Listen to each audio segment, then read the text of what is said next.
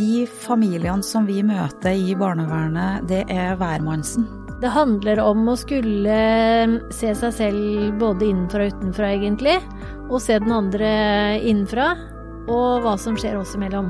Det med tverrfaglig samhandling er blitt svaret, men det er ingen som egentlig veit helt hva som er spørsmålet. Fagbokboden er laget i samarbeid med Gyldendal. I dag har vi fått uh, to stykker på besøk i Fagbokpodden. Ene heter Eva Mikkelsen. Hun er uh, sosionom, familieterapeut, kan MAG i tillegg. Og så har hun en master fra Public Administration fra København Business School. Og i tillegg så har hun arbeidet innen barnevernsfeltet i mange år, både som saksbehandler og leder. Nå er hun familie- og inkluderingssjef i Askøy kommune. Relativt eh, solid titulert, Eva Mikkelsen. Velkommen. Tusen takk. Men du er ikke alene.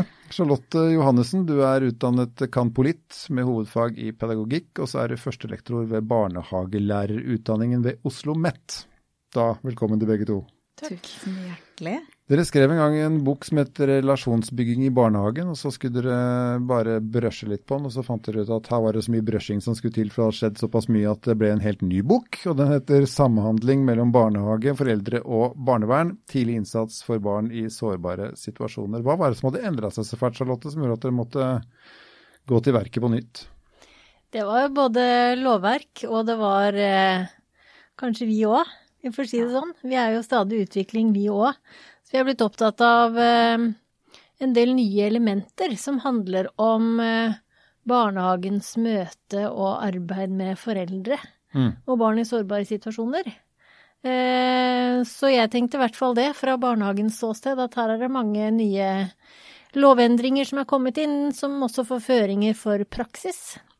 Og i tillegg så er det jo store endringer på gang i barnevernstjenesten. Så når vi sammen begynte å snakke om det, så tenkte vi at her var det Så vil vi ha med det, og så vil vi ha med det, og så vil vi ha med det. Og da var det ikke bare å endre litt på noen småting i noen kapitler. Da var det såpass mye at vi tenkte at uh, her kan vi ha god mulighet til å få inn uh, ny kunnskap og erfaring som vi tenker er viktig for studenter og andre som jobber i feltet vårt. Jeg tenker at, ja, og jeg tenker det, så Vi er jo ufattelig heldige, for vi får lov til å jobbe i et praksisfelt som stadig er i endring. Eh, og Charlotte, du jobber jo med dem som skal komme ut i de tjenestene som jeg sitter og leder. Så vi får jo ha en dialog òg om hva er det jeg ønsker å ha ut eh, når jeg skal ansette folk i våre tjenester, og hva er det som har endra seg i praksisfeltet som gjør at vi så at for bachelorutdanninga, både innenfor dem som skal jobbe i barnehage og i barnevern, barnevern, så var det behov for å ta ned de endringene som var kommet med, pluss de lovendringene som òg skjer i forbindelse med barnevernsreformen som nå da er i ferd, eller oppvekstreformen som er i ferd med å komme inn. Men eh, da jeg leser eh, litt i, eh, i og rundt boken, så, så kommer ordet tverrfaglig ganske raskt og hyppig opp. Er det fordi at vi ikke er flinke nok? Mange er flinke, men bare flinke sammen er noe annet. Ja, jeg kan med en gang si at det er derfor vi skriver om det. Eh, og jeg tror at i alle de årene hvor jeg har drevet og jobba innenfor det fagfeltet her, så har den store issuen vært, enten det er fra praksisfeltet sjøl eller fra politikerne i de ulike reformene som har kommet, at vi er nødt til å jobbe tidlig innsats, eh, tverrfaglig samarbeid på en annen måte enn før. Eh, og på mange måter så kan en kanskje si at eh, det med tverrfaglig samhandling er blitt svaret, men det er ingen som egentlig veit helt hva som er spørsmålet. Alle skal gjøre det, og det er løsninga på alt, uten at noen egentlig forteller noen hvordan en skal gjøre det i praksis. Det som kalles for et buzzword. Ja, Ja. rett og slett. Men eh, du er jo hovedsakelig, eh, for å gjøre det, si det veldig enkelt, Charlotte, en barnehagedame. Eh, Takk skal du ha. Charlotte, Jeg jeg elsker den betegnelsen. jeg skulle egentlig bare skille deg fra barnevernet. Uh, Ja. fordi at det, altså, Når folk snakker, da, så er på en måte hele tonen i, i stemmen når du snakker om barnehage, er helt annet enn når du snakker om barnevern. Ja. Ikke sant? Mens her uh, dras jo begrepene litt sammen. Eh, og de eh, skal flettes i hverandre. Men er, er det noe skummelt med det også? Kan man på en måte gjøre altså, At noen kan føle da, at barnehagen eh, nesten er en håper å si, observasjonspost, som den jo skal være òg, ikke sant? Men allikevel, altså Men ikke på oppdrag fra barnevernstjenesten, hvis du hadde tenkt det. Nei, Nei da. Folk kan føle det. Folk sitter ofte i den andre enden ikke sant? og ser på alt som en trussel. Ja, det er jo det vi er opptatt av, å bygge ned de eh, forventningene som eh, handler om å mistenkeliggjøre hverandre eller skape, hva skal jeg si, spøkelser som ikke fins. Det vi jo er opptatt av, er at, som jeg pleier å si til de i barnehagefeltet, eh, er jo, målet må jo være at barnehagen og barnevernstjenesten blir så godt kjent med hverandre at de på en måte kan være bestevenner. Fordi at når vi skal jobbe med barn og familier som trenger hjelp fra barnevernstjenesten, de alle de går jo i barnehagen. De er i barnehagen. Ehm, og da er det viktig at eh, de ansatte i barnehagen vet nok om hva slags type hjelp og støtte de kan få fra barnevernstjenesten. Og omvendt så må barnevernstjenesten vite om alt det gode forebyggende og operative arbeidet som gjøres i forhold til barn og foreldre i barnehagen. Sånn at eh, det handler mye om det å spille hverandre gode og bli godt kjent. Eh, fordi at det er de samme barna og de samme foreldrene som vi alle møter. Så det er liksom kunsten å sette seg litt sånn i foreldrenes sted. Hvis du trenger hjelp, så er det først i barnehagen, så skal det kanskje være noe innen psykiatri. For voksne så skal det kanskje være noe innenfor psykisk helse, så kommer barnevernstjenesten. Alle skal høre livshistorien din, alle skal se deg fra ulike vinkler. Jo bedre vi blir på å utvikle praksiser som gjør at vi sammen skal bli laget rundt det barnet og den familien, jo lettere blir jo hverdagen for de som også trenger hjelp. Og de fleste vil jo så godt som de kan, men så er det sånn at det er en del som vil trenge litt ekstra hjelp og støtte på den veien, da. Og så er det jo også viktig å huske at aller, når, altså når, når veldig mange lekfolk da, snakker om barnevern, så tenker man på omsorgsovertagelse, mens det skjer i de færreste tilfellene, egentlig. Det er jo kanskje det du snakker om, at man må Absolutt. være flinkere før det skjer. Ja. Det er disse store begrepene som Eva nevnte i forhold til tidlig innsats og forebyggende arbeid, ikke sant. Det er jo selvfølgelig en del av barnevernet sitt mandat er også å være aktivt på i forhold til sine samarbeidspartnere i feltet, som jo er barnehagen, for eksempel. For å opplyse om sin virksomhet og hvordan man kan samarbeide. Eh, og ja, mange har jo et samarbeid også i forhold til foreldreveiledning, f.eks., for eksempel, at man bruker en del av de samme forståelsesrammene eller rammeverkene eller metodikken, om du vil, har vi vært opptatt av også i den reviderte eller nye boken vår, og utvide perspektivet litt for å vise litt sånn bredden og dybden i alt det som kalles da for forebyggende arbeid, men som er litt mer en intervensjon, en vanlig foreldreveiledning, kan du si, eh, i barnehagen, som jo barnevernstjenesten ofte tar utgangspunkt i og jobber videre med, eh, kanskje litt mer i dybden når de kommer inn i familien, men det at man har det samme rammeverket og forståelsen eh, i, hos de profesjonelle som jobber sammen, det gjør jo at hjelpen også ofte oppleves som meningsfull og verdifull, enn at det blir liksom trusselen om at hvis ikke du vil dette, så, vet du, blir det overta? barnevernstjenesten. Ja, Men kan du på en måte si at eh, ja, jeg ser at vi trenger mer hjelp og støtte, og da pleier vi å samarbeide med barnevernstjenesten. Skal jeg ta en telefon til Eva og så spør jeg kan hun være med oss på en konsultasjon, en samtale for å høre litt hva kan de tilby. Det er mange familier her hos oss som får god hjelp. Altså jo bedre de ansatte i barnehagen kjenner godt til og snakker godt om barnevernstjenesten, jo enklere blir også det samarbeidet. For da er det sånn at de fleste familier, selv de som strever mye, de sier faktisk ja takk.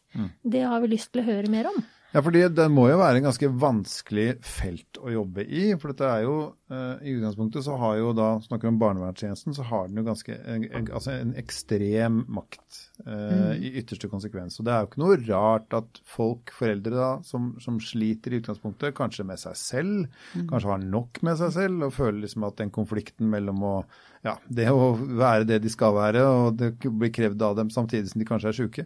Altså, det er, det er jo ikke noe rart å tenke at folk er i ekstreme situasjoner når dere møter dem. Nei, det er ikke eh, Og så har jeg lyst til å avlive noen myter om barnevernet. Fordi de familiene som vi møter i barnevernet, det er hvermannsen. Jeg kan ikke gå ut og si hva som er en stereotyp familie barnevernet møter. Veldig ofte så tror jeg at en del tenker det handler gjerne om familier som strever sosioøkonomisk, eh, og som har eh, en del vanskelige rammer rundt seg. Men det er ikke bare de familiene vi møter. Jeg tenker at vi møter foreldre, eh, og vi møter barn.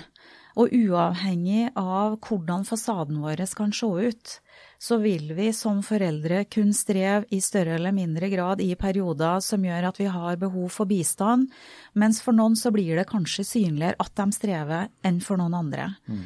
Og Det er derfor jeg syns det er så viktig eh, det som du er opptatt av, Charlotte, hvordan en i barnehagen både snakke om barnevernet og andre hjelpetjenester, men òg det som du var inne på, at en del kanskje kan være redd for at barnehagen skal være barnevernet sin forlenga arm. Lytteposten, på en måte? Ja, rett og slett. Ja. Uh, og jeg, du er jo veldig tydelig på det når du har kurs for ansatte som jobber både i barnevernet og barnehagen, at barnehagen er ingen forlenga arm for barnevernet.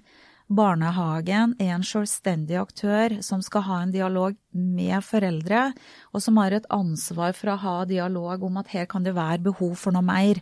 Og da er barnevernet en av dem som skal være noe mer. Men det er et kapittel hos dere som jeg tenker dette sier alt. Taushetsplikt, ja. taushetsrett og opplysningsplikt. Mm. Kombinasjonen av de ordene kan jo få en person til å bli svimmel. Mm. Det er jo ikke et lett felt å manøvrere i for en eh, person som ja, har tre år på skolen og har begynt i barnehagen. Eller kanskje ikke har det, til og med. Mm. Jeg er jo opptatt av at det kan eh, være med å danne en plattform som man kan utvikle seg videre ut ifra. Altså det at de i feltet bare vet om at det er forskjellige ord for det, mm. og det betyr forskjellige ting. Det er som vi pleier å si til våre studenter, at uh, ikke tro at du er ferdig utlært når du er ferdig med utdanningen. Nei, ikke sant. Da er det, det, er da, det begynner. Det er da det begynner. Du får lov å starte å lære. Da er det på springbrettet, liksom. På ja. vei i din videre faglige utvikling. Mm. Men uh, det er jo kommet, altså sånn i forhold til lovverket også, så er det jo tydeligere uh, press på, eller tydeligere retningslinjer i forhold til uh, barnehageloven og rammeplanen på hva som er uh, meldeplikt, hva som er opplysningsplikt, og også avvergingsplikt. Ja, og taushetsrett. Eh, ja, absolutt. Ja. Jeg har jo lov til det òg, åpenbart. Ja. ja. Så liksom jeg, Det bare aner meg at det kan være tungt å manøvrere i det. fordi at konsekvensene for den enkelte da, Si at du er 24 år da, og har begynt å jobbe i barnehage etter tre år på skolen. Eh, og, så du, og, så får du kanskje noe i fanget som, som, du først kanskje ikke vet hva er engang. Du lurer på om det er noe. Og tenker at her, slår, her står alle rødflaggene, på en måte. Mm. Eh, og, så, og så skal du orientere deg i dette. For det er klart at Bryter du din taushetsplikt? Eh, og hvis du tier stille, er det, har du rett til det? Eller bryter du da opplysningsplikten? Altså, jeg tror jeg hadde fort hatt behov for å vite noe. Ja, Men det er jo behov for at man snakker sammen, og det som er viktig å si da, det er jo at det er jo aldri den pedagogiske lederen sitt ansvar alene. Mm. Det er styreren i barnehagen som er hovedansvarlig både for kontakt med foreldre og med andre hjelpeinstanser. Sånn at det er jo vi pleier å si det sånn at det er, det er, du skal ha en handlingsrekke, og den skal gå oppover. Hvis du har en bekymring, så skal du ta det opp med styreren. Mm. Og så må man sammen finne ut av hvordan skal vi gå fram, hvordan skal vi forstå dette. Og da pleier jeg også alltid å si at det første du må gjøre hvis du lurer på noe, fra noe stort til noe lite, det er at du må ringe til barnevernstjenesten, og så må du få råd og veiledning. For det er så mye god hjelp man kan få underveis i en bekymringsfase før man skal melde. Hvordan skal vi fylle ut den meldingen? Hvordan skal vi samle våre observasjonsnotater her i barnehagen? Hva trenger, hva trenger barnet nå? Hvordan skal vi hjelpe barnet? Hvordan trenger foreldrene å bli møtt? Mm. Og for å nettopp formidle det som du var inne på i stad, Eva, som jeg er opptatt av, at barnehagen skal jo være en samarbeidspartner for foreldrene hele den tiden barnet går der, uavhengig om de i kortere eller lengre perioder trenger å samarbeide med noen andre i tillegg.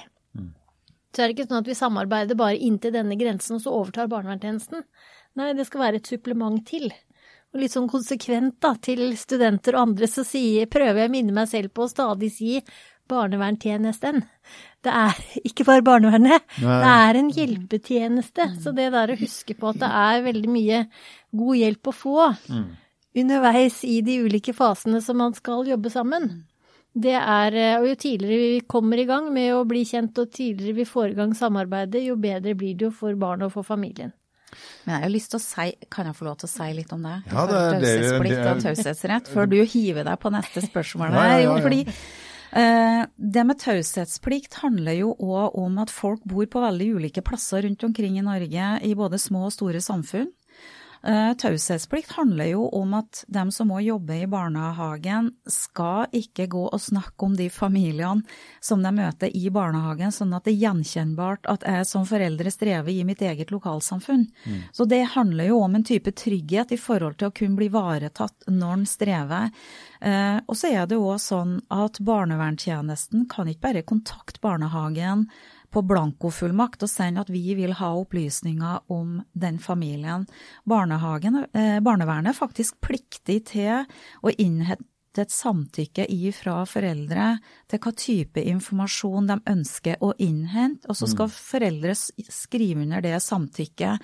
Sånn at det går jo litt begge veier, at en skal ha den dialogen om hva er faktisk nødvendig og viktig informasjon for barnevernet å ha, ut ifra at de ikke skal gjøre en undersøkelsessak mer omfattende enn det som er nødvendig. Så jeg tenker at det er det er noen gode rettsregler som regulerer både et vern for foreldre og samtidig ivaretar et barneperspektiv eh, og rettssikkerheten begge veier. Mm.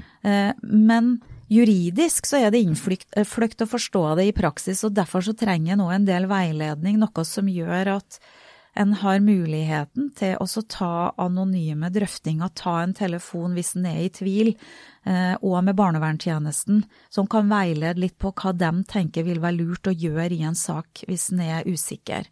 Og så er det nok òg krevende hver 24 år gammel og gjerne ikke ha en utdanning som du sier, men jobb som en assistent i barnehage. For eh, meldeplikten til barnevernet er personlig. Så det gjør jo sånn at Ja, du kan jo ikke skygge deg for Nei. eh, unna det som faktisk Nei, finnes. det kan du faktisk ikke. Eh, Men det da å ha gode støtteordninger rundt i din egen barnehage, eller kunne ta en telefon til barnevernet og drøfte før du faktisk sender den bekymringsmeldinga. Og så tenker jeg jo at før en har kommet så langt at en sender en bekymringsmelding, så er det veldig lurt å ha en dialog med foreldre. Fordi at du kan misforstå en situasjon. Det kan være naturlige årsaker til at det som er en type bekymring du sitter og har, vil foreldre kunne forklare ut. Eller en kan ha en dialog om kanskje skal vi prøve en i en forklarer ut, så periode. mener du forklare på en sånn måte at du tenker at dette var ikke noe. Ja, Ja, det kan, eh, det kan være, eh, gjerne være at en ser at det er et barn som har endra atferd veldig plutselig i barnehagen, og så skjønner en ikke helt hva det her er, og blir bekymra, for en har ikke sett det barnet før. Så får en kanskje vite om at det er en besteforeldre som er død, f.eks., som har stått barnet nær. Altså det kan være ulike årsaker til det her. Eller at foreldre er midt i en skilsmisseprosess. Altså Ja. Det er jo disse store temaene som, som barnehagen også er blitt tydeligere på å snakke, hvis man igjen tenker forebygging, med foreldre om på foreldremøter. Altså hva slags type informasjon er det viktig at vi deler? Eh, og det er jo typer skjer det endringer i familien, er det innenfor psykiatri, er det innenfor hva skal jeg si, rustematikk, dødsfall i familien, endringer i familiesituasjon, så er det naturligste for barn det er å reagere.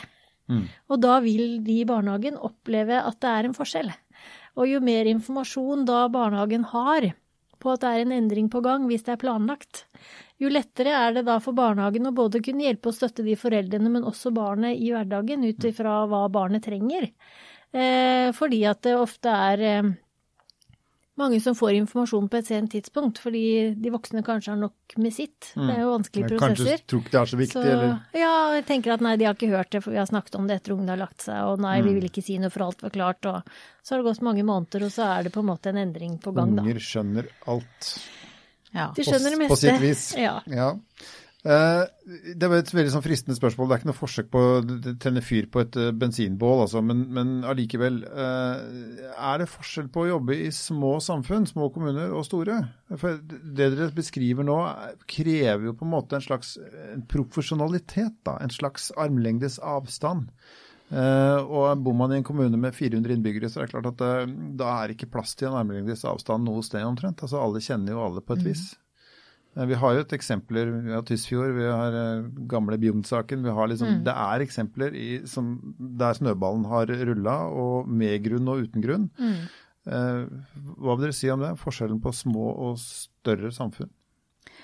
Jeg har jo jobba i barnevernet i et mindre samfunn sjøl som saksbehandler, og veit jo at eh, eh, det vil alltid være sånn at det tilflyter deg som barnevernsarbeider informasjon ifra sidelinja om familier du nødvendigvis ikke kjenner til, eh, men som andre veit om, fordi at de veit at du jobber i barnevernet. Mm.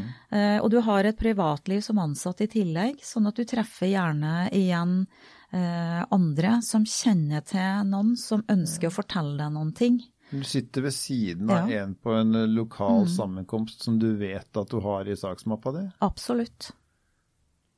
Og det gjør noen ting, tenker jeg, i det også skulle ha et miljø rundt det som gjør at ikke du står alene. Det, jeg tenker mye av den debatten som har kommet opp i forhold til interkommunalt samarbeid på barnevernssida, hvor små får barnevernsmiljøet lov til å være i en kommune, er en kjemperelevant debatt. Ja, du mener det? Det Ja, er- jeg mener at det er en veldig, veldig relevant må kunne flytte ressurser litt sånn Ja. for å få distanse? Jeg er en av dem som tenker at du har behov for å være et større miljø, hvor du òg kan velge, eh, hvis du sjøl òg har barn, eh, og det kommer bekymringsmelding på barn som går enten i samme barnehage eller i samme klasse som egne barn, så skal ikke du sitte og ta de sakene der. Da er det noen andre som skal gå inn og jobbe med det. Ja, for det er jo sånn at når vi kommer for tett på noe, så, så det, altså det gjelder oss alle sammen. Da mister vi et eller annet Ja. eh, på veien der. Det er vanskelig å være profesjonell. Ja, ikke sant? Og det er jo det. Kunsten å kunne være profesjonell når det stormer rundt det. Ja, Og bli sett på som det når det har Absolutt. storma rundt deg. Altså ikke du blir sett på som Mefisto som har ødelagt et eller annet, ikke sant? når du egentlig bare har gjort jobben din. For det er jo, det er jo, du slår jo alle veier, dette her. Det gjør det. Men det er noe med den faglige kompetansen som blir sittende der òg, så jeg tenker at det kan slå litt begge veier. Litt opptatt av at vi ikke må liksom øh, si at sånn er det for alle.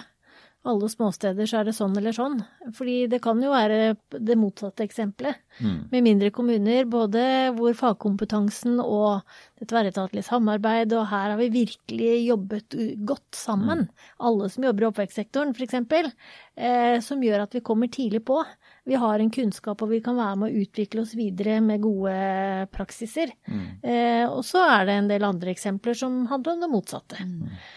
Jeg vil nok si at innenfor barnevernsfeltet så tenker jeg at en bør ha en viss størrelse på antall ansatte. Og jeg vet på et tidspunkt så blei det diskutert at en burde være minimum fem ansatte eh, i en barnevernstjeneste, og var en færre enn det, så burde det være en eller annen form for interkommunalt samarbeid. Og jeg må nok si at jeg er enig i det, altså. Så man kan få en sak på en måte av sitt bord som er for tett på. Ja, For du kan jo ikke la være å ta den heller. Det er Nei, ditt ansvar. Det er du nødt til å gjøre, men jeg tenker ikke det handler bare om den nærheten. Det er et aspekt av det, men det handler òg om type kompetanse som barnevernet faktisk skal inneha for å utgjøre et fullverdig barnevern. Det blir stilt ganske store krav til den som skal jobbe i barnevernet i dag, ikke bare i forhold til metodisk arbeid, men òg i forhold til det juridiske aspektet, i forhold til dokumentasjonskrav, i forhold til innsynsrett, i forhold til det å skulle føre saker inn imot eh, det som er rettsapparatet i barnevernet. Så den sammensatte kompetansen, i tillegg til å ha både barnefaglig og barnevernfaglig kompetanse, det skal godt gjøres å sitte og ha hvis du er bare to eller én i en kommune som sitter og jobber i barnevernet. Så er, det bør være en størrelse på barnevernstjenesten, tenker jeg. Avslutningsvis så har dere noe som heter mentaliserende kommunikasjon. Hva er det? Mentalisering er et nytt, eller relativt nytt begrep i feltet, som man kan tenke kan handle litt om videreutviklingen av empati. Eh, Det handler om å skulle se seg selv både innenfra og utenfra, egentlig, og se den andre innenfra, og hva som skjer oss imellom. Eh, og det, når vi er opptatt av det med mentaliserende kommunikasjon i tverretatlig samarbeid, så har vi vært opptatt av at eh, samhandlingen blir jo ikke bedre enn hvem du er i møte med, den du møter. Om det er foreldre Samhandling det er snakk om. ja. Eh, jo, men det er, det er jo en kommunikasjonsform, ikke sant. I samhandlingen så handler det om hvem du er i din kommunikasjonsform. Altså klarer du å sette deg inn i den andre sted og gi tilpasset, hva skal jeg si, eh, hjelp og støtte i kommunikasjon for å forstå den andre bedre? Eller er det sånn at du tenker at det er jeg som har definisjonsmakt, for det er jeg som er profesjonell, og så tenker jeg at det, er på denne måten vi skal forstå det. Eller at jeg har noen hva skal jeg si, holdninger og forventninger, f.eks. For ansatte i barnehagen som har um, samarbeid med barnevernstjenesten fra tidligere som eksempelvis ikke har vært så veldig godt. Mm. Og så tenker de bare ut fra den erfaringen, enn at de på en måte tar et skritt til siden og tenker ok, hvem er jeg inn i denne måten å kommunisere på eller forholde meg til den andres opplevelse av virkeligheten på. Mm. Og det vil jo også gjelde motsatt, ikke sant. Hvis du tenker som barnevernsansatt at min jobb det er bare å innhente informasjon, så sier barnehagen at ja, vi får jo ikke høre noen ting. Vi gir og gir, vi får jo ikke høre noen ting. Nei, hvordan skal vi ta et skritt til siden og tenke hva, hva er din opplevelse av dette? Jeg, nå, trenger, nå, ble jeg nysgjerrig, nå trenger jeg å høre mer. Hva var det du tenkte? Hvordan opplevde du det? Mm. Er det noe mer jeg kan hjelpe deg med, bistå med? Er det noe vi trenger å utdype videre? Altså, hvem er jeg i møte med deg som kommunikasjonspartner i måten vi jobber sammen på, Hvilken, snakker sammen på? Hvilken bagasje går jeg inn i møte med, og så For eksempel. Mm. Mm. Men er, er, ikke dette, skal jeg være litt kjip her på slutten, er ikke, dette, er ikke dette helt naturlig for folk, eller må man lære det? Du blir aldri ferdig med det. Jeg tror det viktigste, uavhengig av hvor vi jobber, når vi er mennesker som jobber med mennesker, så er vi som jobber inn mot dem som skal ha hjelpa ifra oss, vi òg er påvirka av de livene som vi lever, og det tror jeg han aldri må glemme av. Sånn at det å hele tida ha fokuset på hvem jeg er som det viktigste verktøyet i møte med de andre, er det som kan gjøre forskjellen for opplevelsen folk har. Og jeg tenker særlig for barnevernstjenesten sin del, så står du i en dualitet hvor du både møter de foreldrene hvor noen stiller spørsmål med foreldreskapet, gjerne, samtidig som du skal ha barneperspektivet løfta veldig opp. Eh, hvem du da er og blir opplevd som i møte med både barnet og foreldrene, vil være ganske avgjørende. Og så har du ditt eget liv i tillegg. Sånn at det også hele tida må ta veiledning på Eh, og få et speil foran hvem blir du i møte med. Og når jeg opplever at jeg syns det er krevende å jobbe med en familie, handler det om den familien, eller kan det handle om meg og mine ting som jeg er nødt til å jobbe med? Det er for meg mentaliserende kommunikasjon i praksis. Du har hørt Fagbokpodden, som er laget i samarbeid med Gyldendal.